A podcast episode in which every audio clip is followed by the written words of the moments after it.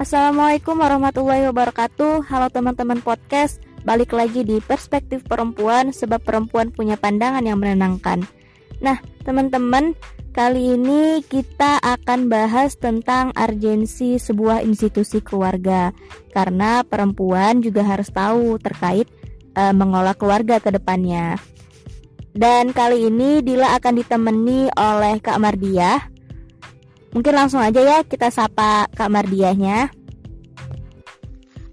Assalamualaikum. Waalaikumsalam. Masya Allah. Maaf ya kak, gila ganggu waktunya. enggak, enggak apa-apa. Enggak kok. Sehat kak? Gimana kabar? Alhamdulillah. Alhamdulillah, Alhamdulillah sehat. Dila gimana? Alhamdulillah sehat juga kak. Ini lagi di mana kakak? Eh uh, lagi di rumah.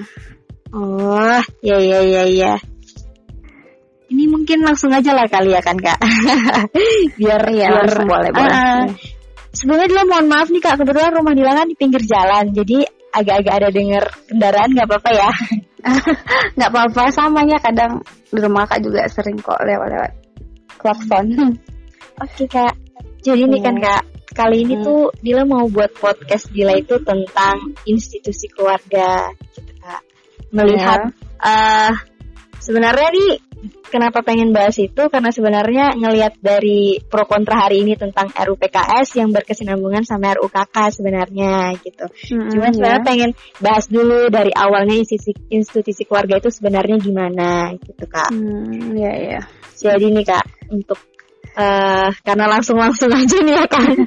Kalau iya. udah basi-basi gitu ya Allah. Jadi nih kak pertama kali dia nih mau nanya nih kak.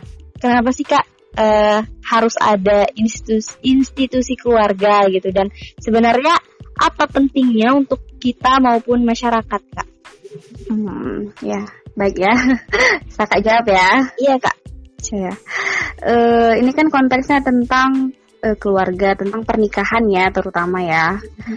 Uh, jadi kenapa sih kita harus uh, berkeluarga? Itu sih inti poin pertanyaannya kan ya? Iya benar-benar benar. Kenapa kita harus uh, kemudian menikah, berkeluarga, apa sih urgennya, ya kan? Apa sih keuntungannya? Nah, uh, kalau kita karena kita yang beragama Muslim ya, kakak hmm. mengambil sudut pandangnya uh, di dalam ajaran agama kita itu sendiri. Uh, Allah Subhanahu Wa Taala dan Rasulullah itu uh, menganjurkan kita untuk uh, menikah bagi yang mampu, ya kan? Bahkan Rasulullah SAW bersabda bahwasanya wahai para pemuda, Barang siapa di antara kalian yang mampu untuk menikah, maka menikahlah, karena menikah lebih dapat menahan pandangan dan lebih bisa memelihara kemaluan. Nah, barang siapa yang tidak mampu, maka hendaklah ia berpuasa, karena dengan berpuasa akan menekan syahwatnya. Nah, di sini kan berarti Rasulullah Shallallahu Alaihi Wasallam ingin mencegah kita ya dari uh, perbuatan-perbuatan dosa, ya kan? Ya benar-benar. Uh, ya syahwat tadi, syahwat uh, rasa kayak mana ya, kelawan jenis kayak gitu kan, yang sudah mampu itu dalam konteks uh, lah, secara lahir dan batin ya, secara materi dan secara batin berhubungan lah, berhubungan suami istri ya kan syahwat. Jadi uh, ternyata hubungan syahwat itu harus diletakkan pada tempatnya yaitu uh, dalam pernikahan ya kan hmm. kalau misalnya dia uh, di dalam di luar pernikahan mendapat dosa tapi kalau dia di dalam bingkai pernikahan dia mendapatkan pahala, ya, benar, itu benar, benar, pahala. Nah begitu kan sama ya kan Allah juga berfirman e, menikah e, nikahkanlah bagi yang sudah mampu ya kan para hamba sahaya. Jadi sebenarnya pernikahan itu untuk pribadi kita ya, untuk lebih menjaga diri kita dari perbuatan-perbuatan dosa, perzinahan, ya kan. Ya, uh, kemudian uh, kalau untuk di masyarakat itu lebih ke ya tadi penyakit-penyakit masyarakat yang timbul karena tidak ada pernikahan itu gimana gitu ya kan, benar nggak?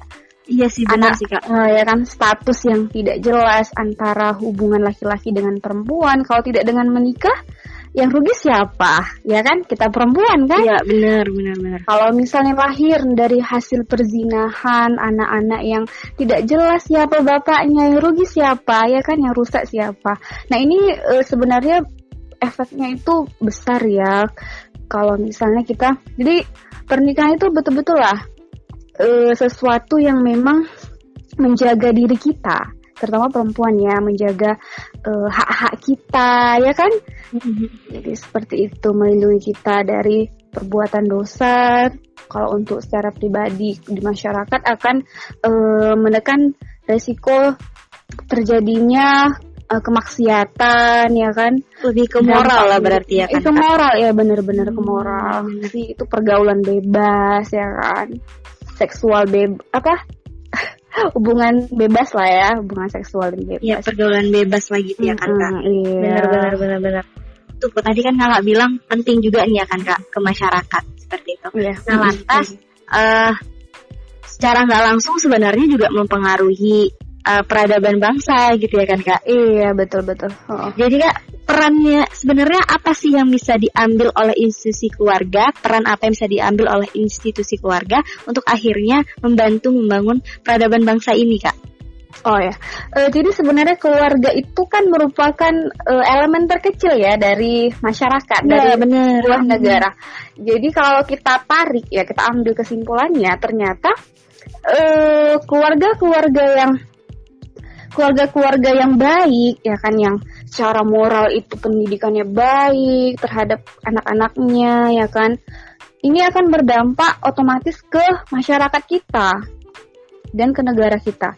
Jadi ini penting sekali ya institusi keluarga dalam membangun bangsa. Nah e, jika keluarga itu rusak ya kan moralnya rusak gener, e, kemudian anak-anaknya itu diberikan uh, apa itu namanya kebebasan lah rusak lah gitu moralnya hmm. maka juga akan menjadi penyakit di masyarakat. Hmm. itu menjadi masalah ya kan? Tapi kalau keluarga itu baik keluarga itu bagus kemudian cobalah kita bayangkan di masyarakat kita di dalam di kampung kita lah misalnya ya kan? Ada uh, 10 keluarga yang yang alhamdulillah baik gitu kan? Pendidikannya mendidik keluarganya baik moralnya baik. Dia akan melahirkan generasi-generasi yang baik ya kan? Manusia ini kan terus berkembang ya kan? Hmm. kemudian uh, uh, jadi sebenarnya sangat berperan ya. Karena dari keluarga-keluarga ini akan lahir masyarakat kemudian akan lahir juga negara kayak gitu. Dari keluarga ini juga akan lahir pemimpin ya kan? Nggak kebayang ya kalau misalnya uh, pemimpin kita itu keluar uh, lahir dari keluarga yang tak bermoral. Gimana ya, gitu bener, ya kan? bener, jadi karena gitu ya sih. secara nggak langsung generasi bangsa itu ya di tangan institusi keluarga ya kan kak? Iya, jadi keluarga itu punya peran penting dalam menciptakan generasi penerus bangsa hmm, ini gitu ya. ya kan? oh, okay, okay. Gitu. Sehingga nggak bisa kita sepelekan lah bahasanya. Kita harus memahami betul tentang hal ini. Berarti nih kak, kita kan butuh untuk akhirnya menjaga keutuhan keluarga tadi supaya bisa uh, menciptakan generasi-generasi yang baik. Karena kalau misalnya di keluarganya sudah baik ya tentulah keturunan-keturunan tadi juga akan baik ya kak. Iya betul sekali ha. Nah jadi nih kak, uh, gimana sih kak kita nih sebagai uh, perempuan, sebagai bangsa juga generasi bangsa, gimana kita sebagai seorang anak juga nih, gimana sih supaya kita bisa menjaga keutuhan keluarga tadi itu kayak gitu sebagai peran kita sebagai wanita, sebagai uh, ibu gitu ya sebagai ya, benar -benar, Kak. seorang anak, anak juga gitu. Karena kan memang sebenarnya kalau dilihat uh, pelaku utama dari keluarga sih kalau dibilang memang orang tua gitu ya kan kak. Cuman kan ya, mau betul. tidak mau anak juga harus ngambil peran untuk untuk menjaga keutuhan itu. Nah itu gimana sih kak? Biar kita sebagai perempuan juga sebagai anak sebagai ibu nantinya bisa menjaga keutuhan keluarga ini. Ya jadi sebenarnya kita perempuan ini tugasnya berat ya, hmm, amanahnya bener, berat. Bener banget. Bener. Uh, kita menjadi madrasah untuk anak-anak kita. Hmm. Berarti kan kita dituntut untuk menjadi wanita yang berpe, uh, berpengetahuan, berilmu, ya kan. Hmm. Kemudian juga kita akan menularkan kebiasaan-kebiasaan yang baik kepada anak-anak kita. Dan juga kita harus mengurus suami, keluarga, kemudian menjadi anak yang berbakti kepada orang tua sebenarnya itu nggak mudah ya kan. Nah, cuman uh, ketika kita uh, menikmati peran kita sebagai istri misalnya ya kita harus berada di koridor uh, peran kita sebagai seorang istri bukan sebagai seorang pemimpin ya kan? Ya kita harus mengetahui tentang hal itu gitu. Jadi ketika kita menjadi seorang istri ya penuhi kewajiban kita sebagai seorang istri itu yang seperti apa gitu kan? E, untuk mempertahankan keluarga kita jangan pula segala kendali keluarga itu kita yang ambil gitu. Karena posisi kita itu di bawah suami gitu. Bukan karena yang menjadi pemimpin dalam keluarga itu adalah suami, suami bukan istri. Kayak gitu. Jangan kebalik ya nanti yang jadi pemimpin yang berkuasa malah istrinya kayak gitu. Nah ini juga sering ya menjadi permasalahan di dalam rumah tangga ya. Banyak sekali memang wanita-wanita yang kemudian uh, salah kaprah ya memahami tentang kesetaraannya hmm, terhadap laki-laki dengan perempuan ya kan. Sedangkan sudah jelas alko uh, apa ya laki-laki itu pemimpin ya, pemimpin dari uh, wanita ya kan laki-laki itu pemimpin. Jadi konteksnya itu laki-laki yang memimpin dalam keluarga bukan bukan wanita. Jadi kita juga harus tahu batasan-batasan menjadi seorang istri ya. Kewajiban kita itu adalah melayani suami ya, taat hmm. terhadap suami. Uh, kalau misalnya ada banyak juga ya problem di masyarakat uh, kita kan juga pengen berkarir kayak gitu perempuan. Hmm, iya, kan. wanita karir kak, bener bener. Iya, kita kan pengen berkarir, pengen berkarya. Hmm. Gak ada yang larang loh kita berkarya, berkarir. Tapi juga kita harus tahu batasannya ya kan. Kewajiban kita yang prioritas itu adalah mengurus keluarga, ya kan? Hmm. Mengurus keluarga, taat kepada suami, mengurus anak-anak Nah, seperti itu. Jadi eh, itu tadi ya, kita harus tahu peran kita sebagai istri itu seperti apa, tanggung jawab kita seperti apa. Kemudian ketika kita menjadi ibu, ya kan menjadi ibu, ya tanggung jawab mendidik anak itu sebenarnya eh, suami dan istri ya, tidak tidak hanya seorang ibu saja, tapi yeah. kan yang banyak waktunya itu eh, antara uh, ayah dengan ibu kan lebih banyak ibu kan?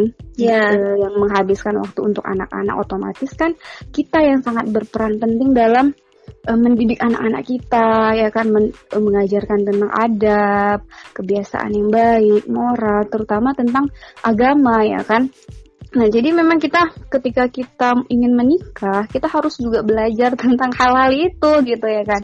Jadi nggak tabu lagi gitu tentang bagaimana cara mendidik anak. Itu sebelum menikah sebenarnya sudah bisa ya dipersiapkan. Seperti itu bukan hanya ketika sudah menikah saja. Iya benar.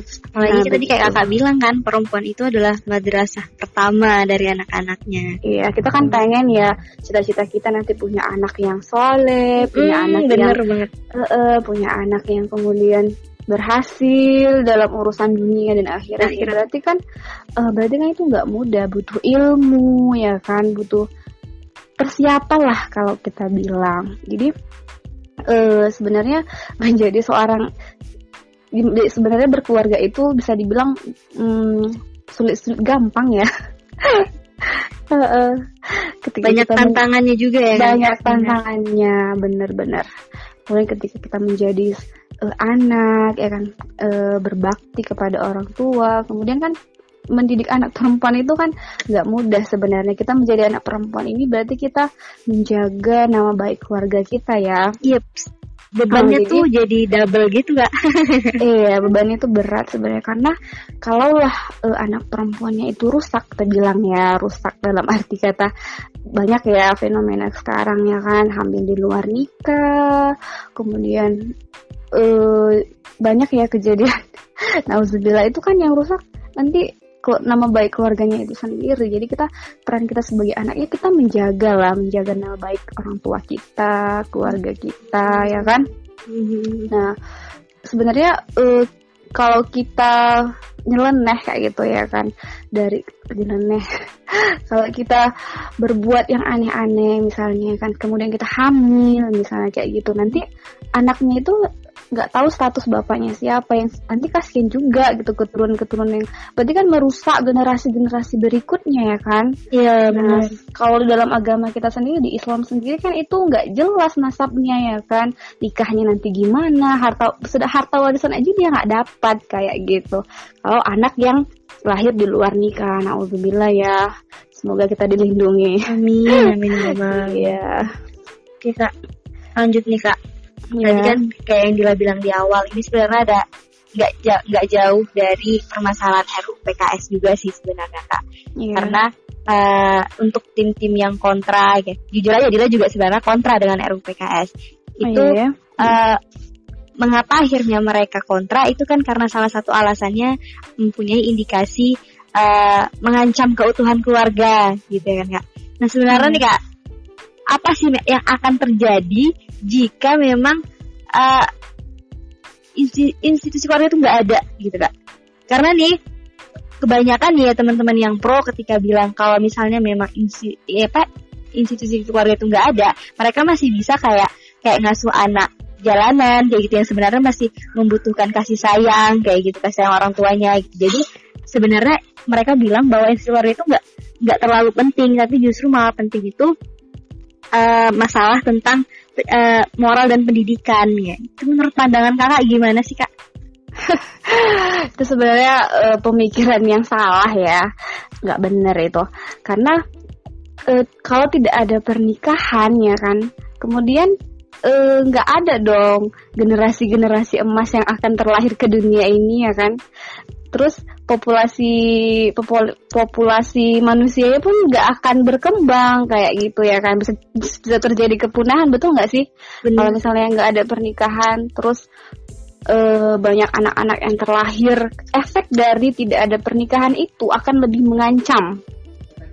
Hmm. akan lebih mengancam em, apa ya masyarakat kita kayak gitu. Karena akan timbul permasalahan-permasalahan yang jauh lebih besar dari itu. Dampaknya akan besar. Ya kan? Kalau tidak ada pernikahan berarti eh, tid- dalam menyalurkan keinginan ketertarikan dengan lawan jenis itu kalau tidak dengan pernikahan dengan apa? Kayak gitu. Berarti kan dengan kebebasan ya. Ya kan? Hmm, hubungan-hubungan yang bebas kan? Berarti akan lahir anak-anak hasil perzinahan dong ya kan? Bahkan akan mengancam bahkan akan mengancam dan merusak masyarakat kita negara kita sendiri kayak gitu. Jadi pemikiran-pemikiran seperti itu sih menurut kakak salah ya. Hmm, kayak gitu sih. Jadi yang melindungi kita itu ya dengan eh, sahnya hubungan itu diakui oleh agama dan negara. Nggak ada yang selain itu sih heeh. Tapi nih kak, kalau misalnya ternyata nih ada yang ber berargumen bahwa di di dunia ini populasinya itu kita udah kebanyakan kayak gitu. Jadi kalau misalnya kita nambah lagi sisi keluarga, melahirkan anak lagi kayak gitu. Padahal pun udah ada program KB pun nyatanya juga masih ada yang lebih dari dua kayak gitu. Jadi gimana kita mengatasi populasi ini kalau nggak dengan lebih baik mengasuh anak-anak jalanan? Kalau misalnya ada yang berargumen seperti itu gimana nih kak? Oh ternyata ada ya kak baru tahu sih. Ada nggak? Oh, Masya Allah itu dia ngambil pemahaman dari mana itu ya? Nah, lagi-lagi itu nggak bener ya. Eh, kita kan hidup di dunia ini ya kan berpasang-pasangan gitu kan. Ya jadi kita kan pengennya kita punya fitrah kita itu adalah menikah ya kan menikah kemudian melahirkan mendidik mengasuh ya kan? Jadi sebenarnya itu statement yang salah sih menurut kakak. Oh jadi menikah itu tidak akan apa ya tidak akan seperti itulah. Tidak akan ada tidak merusak lah tidak merusak Tapi kan Eh, kak, ah, menikah itu kan sunnah nih kak. Eh Ya, kan? Berarti mm, kalau betul. tidak dikerjakan itu tidak apa-apa. Nah itu gimana lagi tuh kak? Karena memang sebenarnya banyak banget argumen-argumen yang akhirnya menjebak kita yang akhirnya yang sebenarnya kontra jadi kayak bimbang gitu kak di, di tengah jalan gitu. Hmm, jadi karena efek udah ngapain sih nikah ya kan kan cuma Iya. sunnah doang Mm, kayak gitu. bener. dan itu salah juga ya itu nggak benar itu Eh, jadi pemikiran-pemikiran yang seperti itulah yang kemudian merusak generasi kita. Ya. Jadi eh, Allah dan Rasulullah aja memerintahkan loh bagi yang mampu ya kan? Syahwat itu harus tersalurkan loh. Iya benar kak. Ya, benar. laki-laki itu kita sebagai orang yang normal ya kalau kita bilangnya nggak bisa kita eh apa ya syahwat itu harus tersalurkan pada tempatnya kayak gitu pada yang halal. Nah kalau tidak menikah ya gimana gitu kan? Nah seperti itu. Jadi eh tidak akan semudah itulah ya pemikiran yang seperti itu tidak akan semudah itulah ketika dia menjalaninya sebenarnya. Hmm. Pastilah setiap orang kan ada keinginan untuk menikah kan kalau orang yang normal seperti itu. Iya benar sih kak. Emang shower itu nggak nggak bisa ditahan memang. Nggak bisa ditahan jadi hmm. memang harus disalurkan pada tempatnya yaitu hmm, sesuatu bener. yang dihalalkan kayak gitu. Iya sih. Emang sebenarnya itu gitu cuman kan balik lagi teman-teman yang pro tuh akhirnya meminta adanya kebebasan yang dalam artian tidak ingin dipaksa. Itulah kenapa akhirnya kan muncul kan kak pro kontra yeah. dengan RPKS ini. Iya ya pengen hubungan itu ya kalau sama suka suka sama suka ya udah jalani kayak yeah, gitu kan. kalau nggak suka itu namanya kekerasan.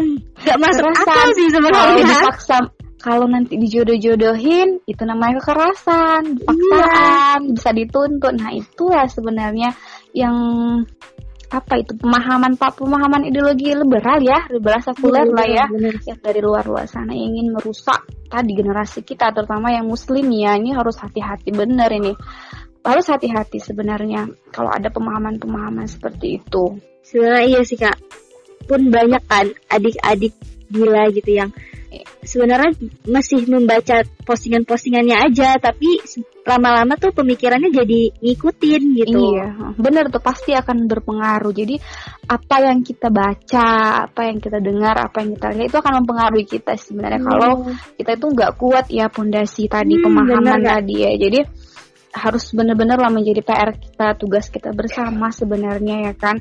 Uh, itu sebenarnya musuh kita bersama pemahaman-pemahaman ideologi ideologi yang salah kaprah itu ya kan? Itu sebenarnya uh, musuh kita bersama harus kita hadapi. Jadi ya jangan pernah jangan mau kalah gitu jangan mau menyerah untuk melawan uh, argumen-argumen mereka yang seperti itu gitu. Hmm. ya kita tetap harus punya keberanian untuk me, ini ya menyangkal lah seperti itu dan hmm. yang lebih disedihkan lagi tuh mereka nganggapnya kayak kita benci mereka padahal yang kita benci itu adalah sebenarnya pemikirannya kayak gitu ah, iya mereka sih. nganggapnya kayak kenapa sih orang itu benci benci sama orang-orang yang feminis kalau misalnya nggak suka sama feminis ya nggak suka pemikirannya jangan sama orangnya ya sebenarnya kita memang nggak suka sama pemikirannya bukan iya, sama orangnya cuman bener, kayak bener.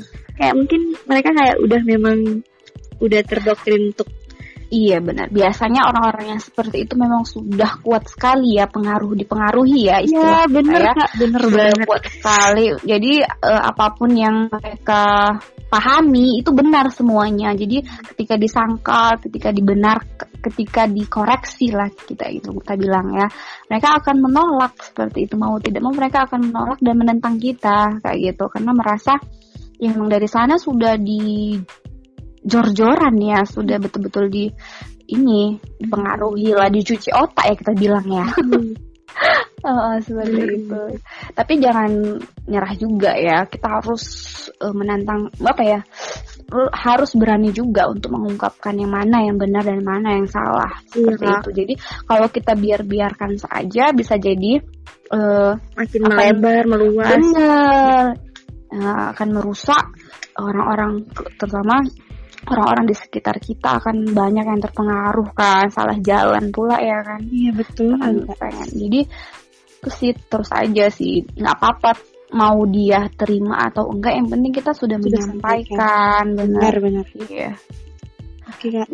Mm -mm. lanjut nih kak. Jadi tadi kan kaitannya dengan RUU PKS. Ini Dila mau kaitkan dengan RUU KK. Jadi itu sebenarnya teman-teman yang kontra RUU PKS dia pro RUU KK. Nanti teman-teman yang pro RUU PKS mereka kontra dengan RUU KK. Nah, permasalahan di RUU KK ini Kak, ya. uh, itu muncul karena tim kontra itu menganggap bahwa RUU KK ini terlalu memasuki ranah pribadi. Mereka menganggap bahwa institusi adalah ranah pribadi yang tidak boleh diikut campurkan kayak gitu kak. Nah menurut kakak nih sebenarnya institusi keluarga ini ranah pribadi atau sebenarnya memang harus ada kerjasama dalam masyarakat kak? Dalam pernikahan ini ya, terutama dalam konteks apa ini? Sebenarnya dalam konteks seperti yang uh, kalau misalnya memang uh, memang ada ranah pribadinya sih kak. Cuman kan ini kalau di RUKK dia lebih kayak uh, terkait moral dan sosial masyarakatnya juga kayak gitu kak. Hmm, ya ya terkait moral ya. Hmm. Jadi sebenarnya uh, kalau di ter, antara pribadi atau apa tadi? Antara pribadi atau masyarakat ya? Hmm, terkait moral ya. Jadi kalau orang-orang yang pah pemahaman tadi ya yang sekuler kita bilangnya, hmm, mereka sekuler. kontra ya, kontra dengan hmm. mereka beranggapan bahwasanya institusi keluarga itu pribadi ya. Hmm, tidak bisa diikut campurkan lah kayak gitu, nggak bisa tidak ada aturan aturan, aturan bakunya lah gitu bener, ya. Kak, benar. Aturan bakunya. Ya kalau tidak aturan tidak ada aturan bakunya berarti keluarga itu ya suka-suka hati aja gitu kan.